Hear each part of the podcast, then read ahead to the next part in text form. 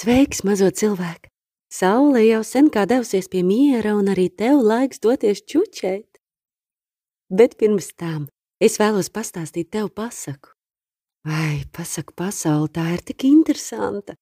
Reizēm pasakas ir gudras, reizēm skumjas, reizēm jautras, priecīgas. Es ceru, ka tev patiks. Nu tad aiziet! Sākam!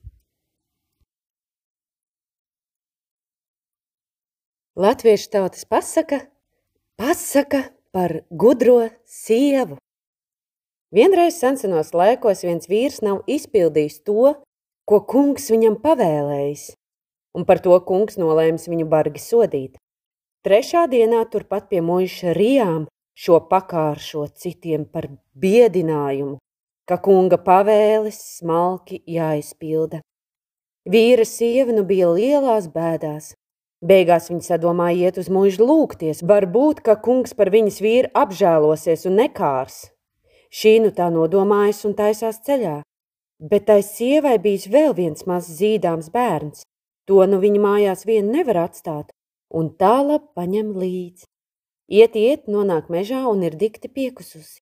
Bērns arī sāk raudāt. Sieva domā, nu, jāapsēžas zem kādas egles, Jāatpūšas un jāpazīdina bērns.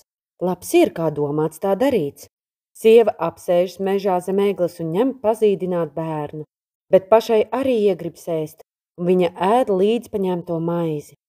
Kad sieva paskatās uz augšu, viņa ierauga, ka augšā eglis zaros viens putniņš ēdina savus maziņos.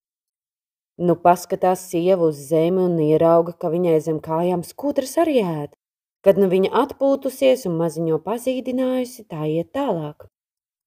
Aiziet mūžā un sāk lūgties kungu, lai viņas vīru nepakarot, lai laižot mājās, ko šī ir maza bērniņa bez vīra, lai iesākot.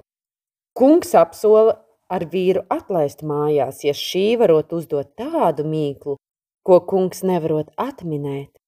Sieva padomā brītiņu, un tad saka, ka došot kungam vienu mīklu, ko viņš nevarēšot atminēt.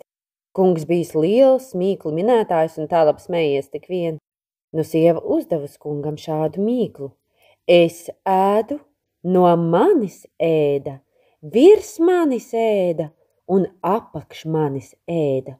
Kungs domā, domā, bet tādu ērmīgu mīklu nu gan nevarēja atminēt.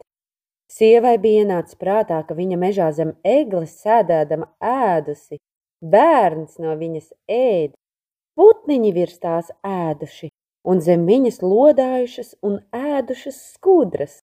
Kungs šo mīklu nevarēja atminēt ne par ko ar ne, un tā labi jālaiž sievas vīrs vaļā, jo solījums jātur.